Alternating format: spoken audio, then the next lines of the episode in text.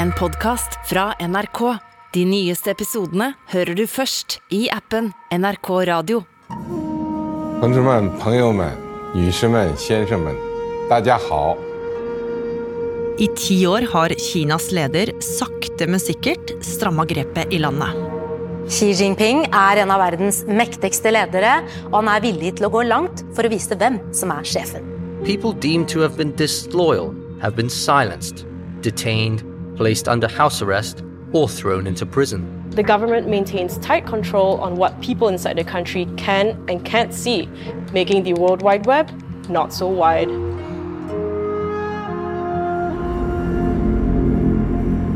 Samtidig har han kara til seg alt han kan av makt, og nå ser han ut til å få enda mer. Vanligvis så sitter lederen i Kina i maks eh, ti år, men Xi har fått endret loven slik at han kan bli sittende til han dør. As far as he is concerned, China's time has arrived. Hvem er Xi Jinping, og vil han gjøre verden til et farligere sted? Du hører på Oppdatert. Jeg heter Gry Baby. Akkurat nå henger det bannere fra alle de store broene i Beijing hvor det står 'Velkommen til den 20. partikongress'. Partiet har alltid folkets lykke og velferd i tankene. Det er færre folk i gatene fordi at eh, de vet at myndighetene er nervøse. På denne partikongressen så står eh, partiet og Kina foran et viktig veivalg. Kanskje det viktigste på flere tiår. Philip Lote, du er vår korrespondent i Kina, og årets kongress er jo ekstra spesiell. For i år kommer det trolig til å skje noe som mange mener er helt uhørt. I Kina så har det vært eh, to regler siden Mao Zedong døde på 70-tallet. Det ene er at eh, landets president og statsminister ikke styrer i mer enn to perioder av fem år. Og så går ikke makten videre i arv til noen i familien. Og Xi vil sette den første av disse spillereglene til side. Han vil få en tredje periode, og kan da også ende opp med å styre Kina på ubestemt tid. Og det er jo ikke uten grunn at ikke alle tenker at det er en god idé. For mange mener at denne mannen her, han har tatt Kina i autoritær retning, der ytringsfriheten strammes inn og kritikerne blir stoppa.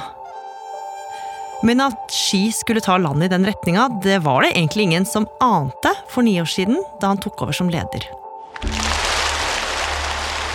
I en enorm konferansesal full av røde vegg-til-vegg-tepper og røde flagg står en mann og bukker dypt til alle i salen.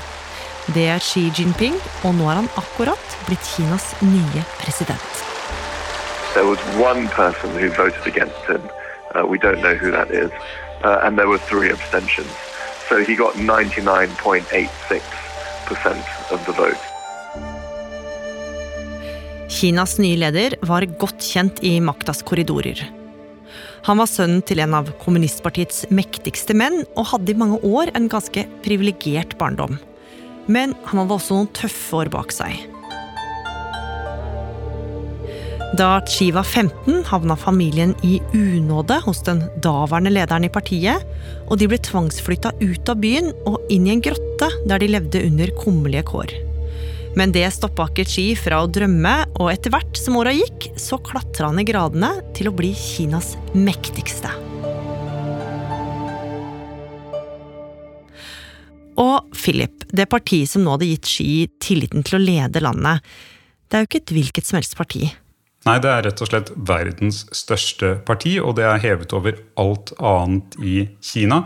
Det er ikke et demokratisk parti som vi kjenner politiske partier hjemme. Eh, Det er en liten elite, et ledersjikt, som bestemmer da all politikk som skal settes i verk ut i Kina. Og det får jo enorme konsekvenser etter hvert som Kina blir mektigere og mektigere i verden. Og det er jo litt av en oppgave Xi nå får i henda, for Kina har lagt bak seg flere tiår med enorm vekst, og landet har vokst til å bli et av verdens mektigste. Men Xi han vil ta det enda lenger, eh, Philip. Ja, Han ønsker å lede Kina til å bli en eh, stormakt, kanskje en supermakt, som bryter USAs eh, globale dominans. Han har jobbet hardt for å nå til toppen i partiet og i Kina, og nå vil han ta Kina hele veien. Og da rir han samtidig på en nasjonalistisk bølge. Han vet at det er veldig mange i hans eget land som ønsker at Kina skal ta denne posisjonen. Og nå er det Xi sin tur til å vise folket planene han har for landet. Og det blir fort tydelig hva slags ønsker han har for Kina, for han vil gjennomføre det han kaller den kinesiske drømmen.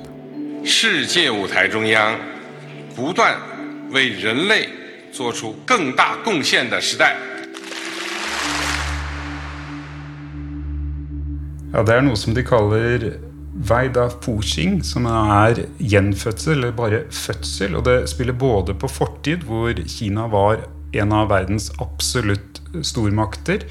Eh, men det spiller også på en slags fødsel, hvor da Kina som en teknologisk og militær makt skal ta en global eh, posisjon. Eh, og det skal de gjøre innen 2049. Da er Folkerepublikken, altså republikken som kommunistene grunnla, 100 år gammel. Og Xi han setter i gang med å nå målet sitt, nemlig om å gjøre Kina til stormakt. Og det er flere ting han nå prioriterer. Det første er at han flytter mer av makten tilbake til partiet. Han vil at partiet nå skal være del av alle nivåer, alle deler av det kinesiske samfunnet.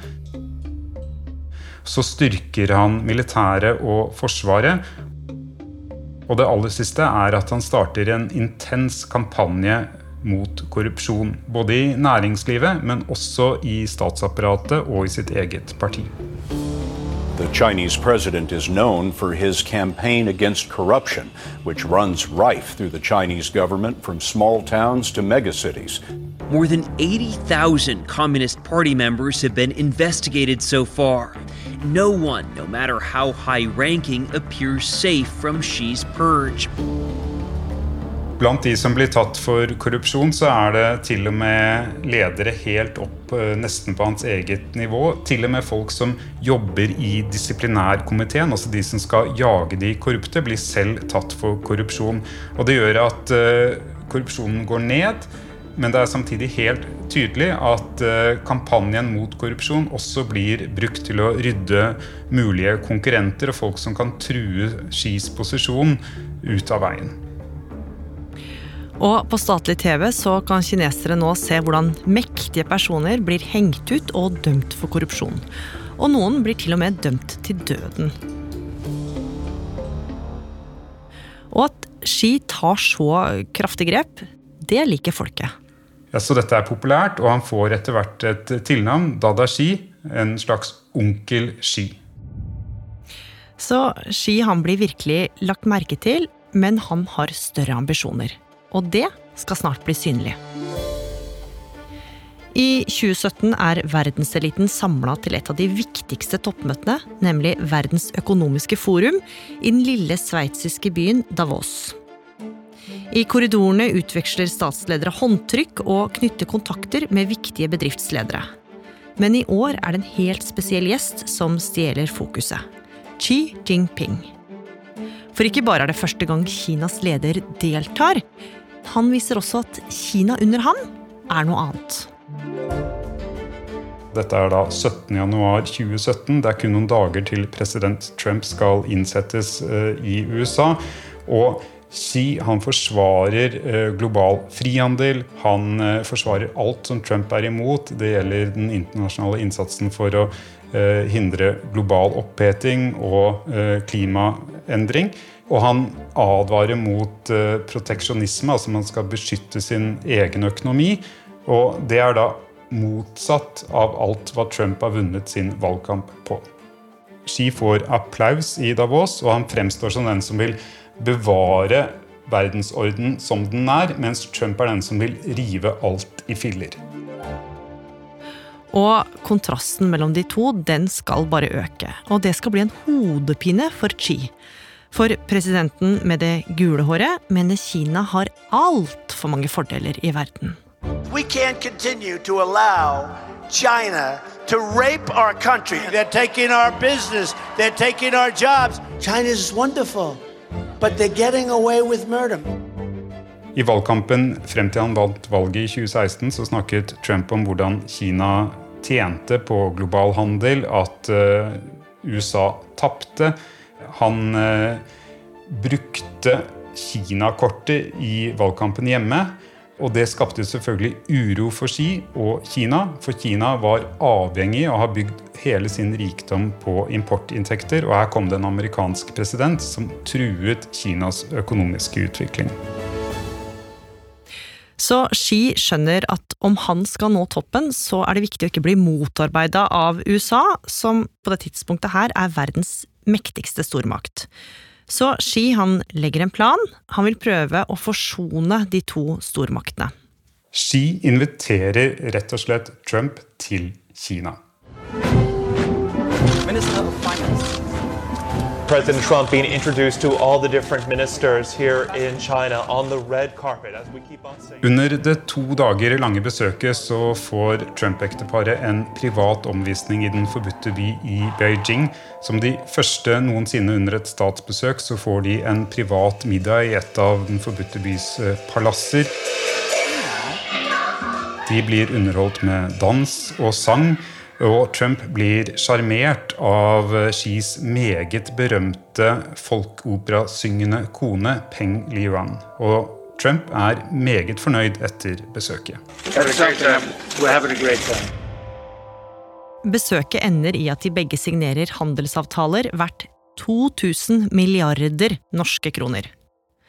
Men det som ser ut til å bli starten på et lykkelig vennskap, det ender ikke helt sånn. Kineserne lærer fort at Trump ikke er en vanlig politiker. Han er mer en forretningsmann, og hver gang han får et gjennombrudd i en forhandling, så tror han, føler han at han kan få mer, og han sender forhandlerne sine tilbake for å reforhandle, river opp avtalene som er inngått, og det skaper en enorm frustrasjon på kinesisk side. Ja, for det blir fort tydelig at vennligtaktikken mot Trump ikke funka. Så Xi han bytter rett og slett taktikk, og nå utnytter han den litt ubeleilige situasjonen som Trump og USA er i. Ja, for nå ser Xi et USA i kaos, et historisk svakt USA, preget av intern strid, og som også undergraver de alliansene de har bygd opp i Vesten og i Nato gjennom flere tiår. Og han begynner å tenke at Kanskje er dette vårt vindu. Kanskje det er nå vi skal forsøke å bryte USAs dominans og fremskynde det at Kina skal bli en supermakt. I tillegg er det noe annet som Xi vet, og det er at eh, Kinas befolkning er i ferd med å bli ganske gammel, og det er en risiko for at de kan bli gamle før de blir ordentlig rike, så også han har litt tidspress på seg.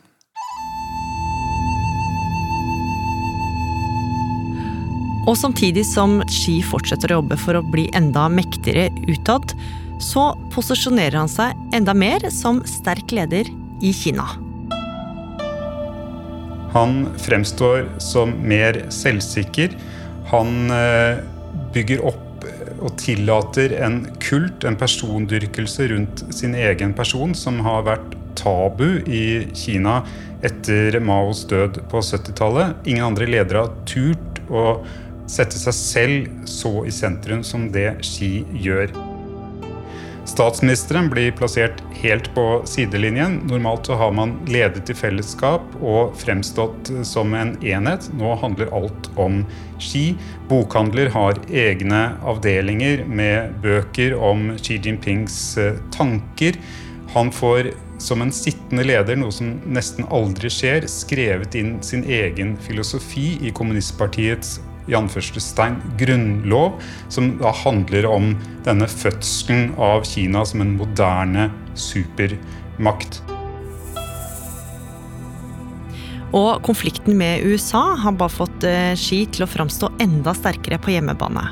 Han blir nå kjent som mannen som sto opp mot USA. Men Xi selv er ikke fornøyd. Det blir stadig tydeligere at han ønsker å bli en av de store lederne, og i 2018 Philip, så gjør han noe helt oppsiktsvekkende. Ja, På folkekongressen det året så får han til å endre Kinas grunnlov, så han kan sitte som president på ubestemt tid. Han må fremdeles endre reglene i kommunistpartiet, så han kan fortsette som leder også der. Men dette er et langt og viktig skritt for Xi. Men det skal ikke gå lang tid før Xi på nytt blir satt på prøve. Det er våren 2019 et lovforslag som åpner for at innbyggerne i den selvstyrte regionen Hongkong kan bli utlevert til Kina, skaper enorme protester. I Hongkong har politiet slått knallhardt til mot demonstranter bare én dag etter at den svært omstridte sikkerhetsloven trådte i kraft. I månedsvis får en hel verden se hvordan protestene sprer seg og blir mer voldsomme. Nå er det akkurat blitt skutt med tåregass her, så vi må få på oss en maske. Og selv om Xi slår knallhardt ned og protestene til slutt stilner, så ser det ikke bra ut. Og det skal komme flere og større utfordringer for Kinas leder de neste åra. Forsmaken kom fra et marked her i den kinesiske storbyen Wuhan.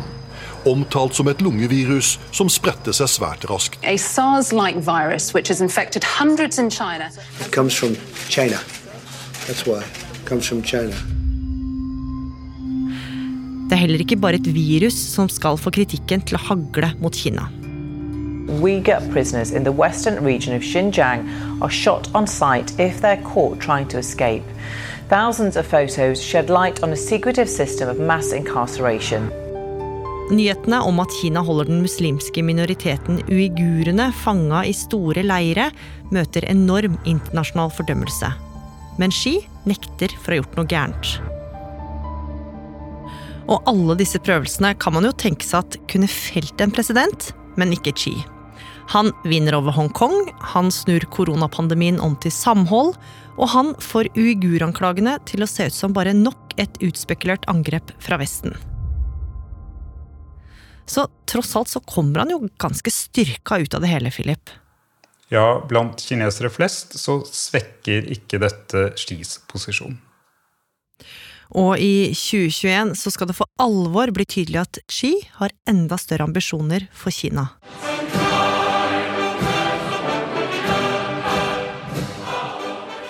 På Den himmelske fredsplass er over 70 000 tilskuere samla for å få med seg feiringa av det kommunistiske partiets 100-årsjubileum.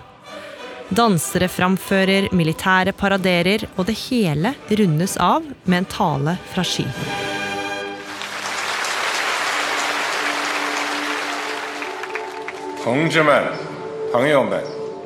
Foran portrettet av formann Mao som grunnla Folkerepublikken og ledet kommunistene til makten etter borgerkrigen i 1949, så står Xi i samme type drakt som det Mao pleide å bruke. Denne varianten er en lett glinset eh, grå drakt. Han står ett skritt foran resten av lederskapet, som har eh, ikke altfor dyre mørke dresser eller militæruniformer, og han skiller seg tydelig ut.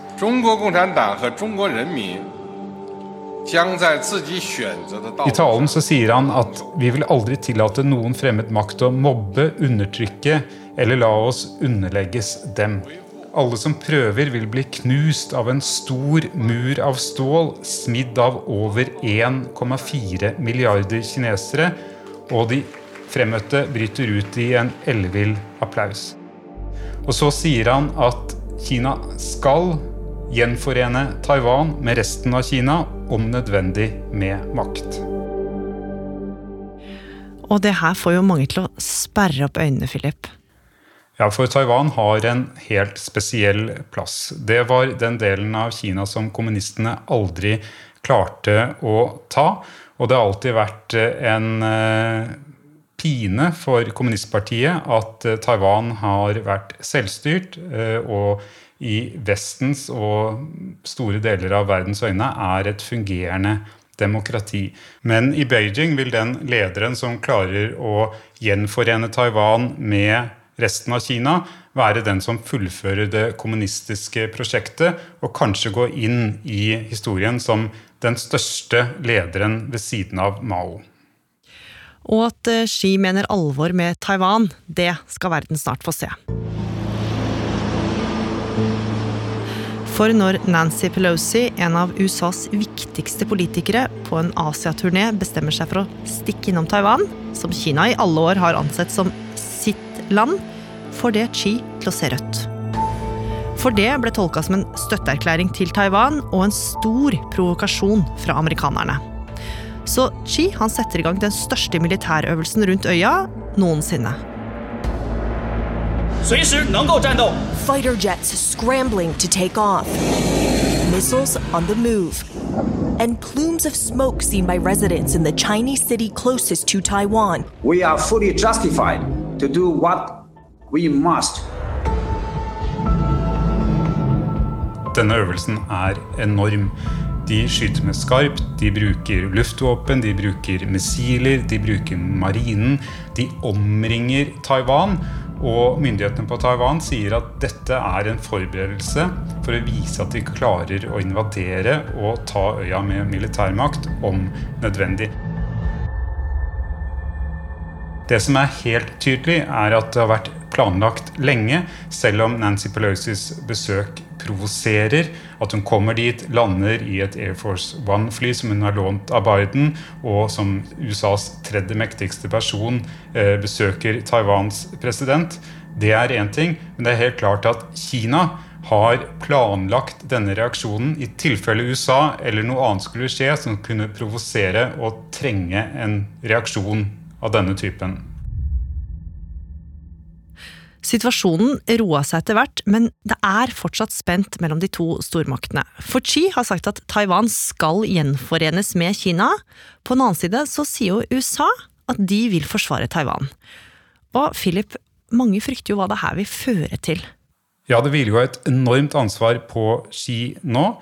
Vi vet fra amerikansk etterretning at han skal ha gitt beskjed til sitt militære om at de skal være i stand til å ta Taiwan med makt, om nødvendig, innen 2027. Og så sier han hele tiden at det kun skal gjøres dersom man ikke får det til med fredelige midler. Så det hviler et enormt ansvar på alle her, på USA, på Xi, også på regjeringen på Taiwan. Og så vet vi at alle følger med på hva som skjer i Ukraina nå. Og så får vi håpe at den lærdommen de trekker ut av det, ikke kun er militær, men at den også fører til at man begynner å se på politiske løsninger og prøver å forhandle seg frem til en eller annen balanse. Og pga. alt som har skjedd, så knyttes det jo ekstra mye spenning til veivalget som partikongressen skal ta. Og nå ser det ut til at Xi får nok en periode. Hva slags Kina kommer vi til å se framover?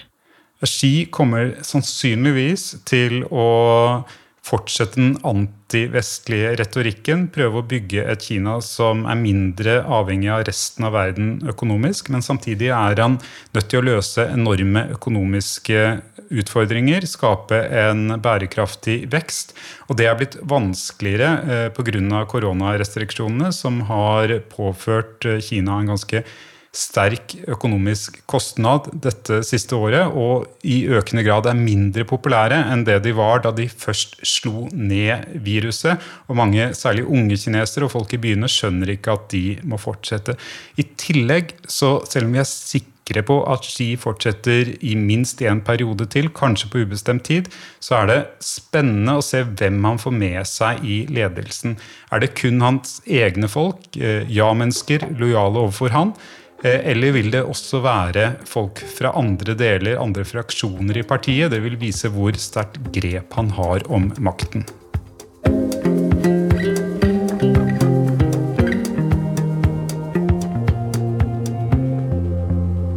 Oppdatert er en podkast fra NRK Nyheter, og denne episoden den var laga av Lars Hægeland.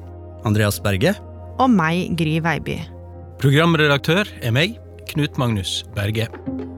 Klippene du har hørt, er fra CGTN, South China Morning Post, Wall Street Journal, AP, The Telegraph, Deutsche Welle, CBS, ABC, Reuters, CBC, CNN, New China TV, CCTV, Today, CNBC og NRK. Har du tips eller innspill, så send oss gjerne en e-post på oppdatert krøllalfa nrk.no. Og du, liker du det du hører? Tips gjerne en venn om oss. En podkast fra NRK. Dette er jo en podkast med meg, Lars Berrum, og deg, Martin Beyer-Olsen. Ja, det stemmer. Der jeg prater egentlig veldig mye, og Ja, så det stemmer det. Jeg har ikke hørt deg så mye i det siste. Nei, men nå er jeg oppe og nikker igjen. For Ja. jeg har fått noe Hva har du å si, da? Nei, jeg tenker at uh, de filosofiske, endevendende, store tankene Og det mer banale. Da er podkasten Berrum og Beyer snakker om greier noe for deg. Det er i hvert fall vår mening. Berrum og Beyer snakker om greier hører du først i appen NRK Radio.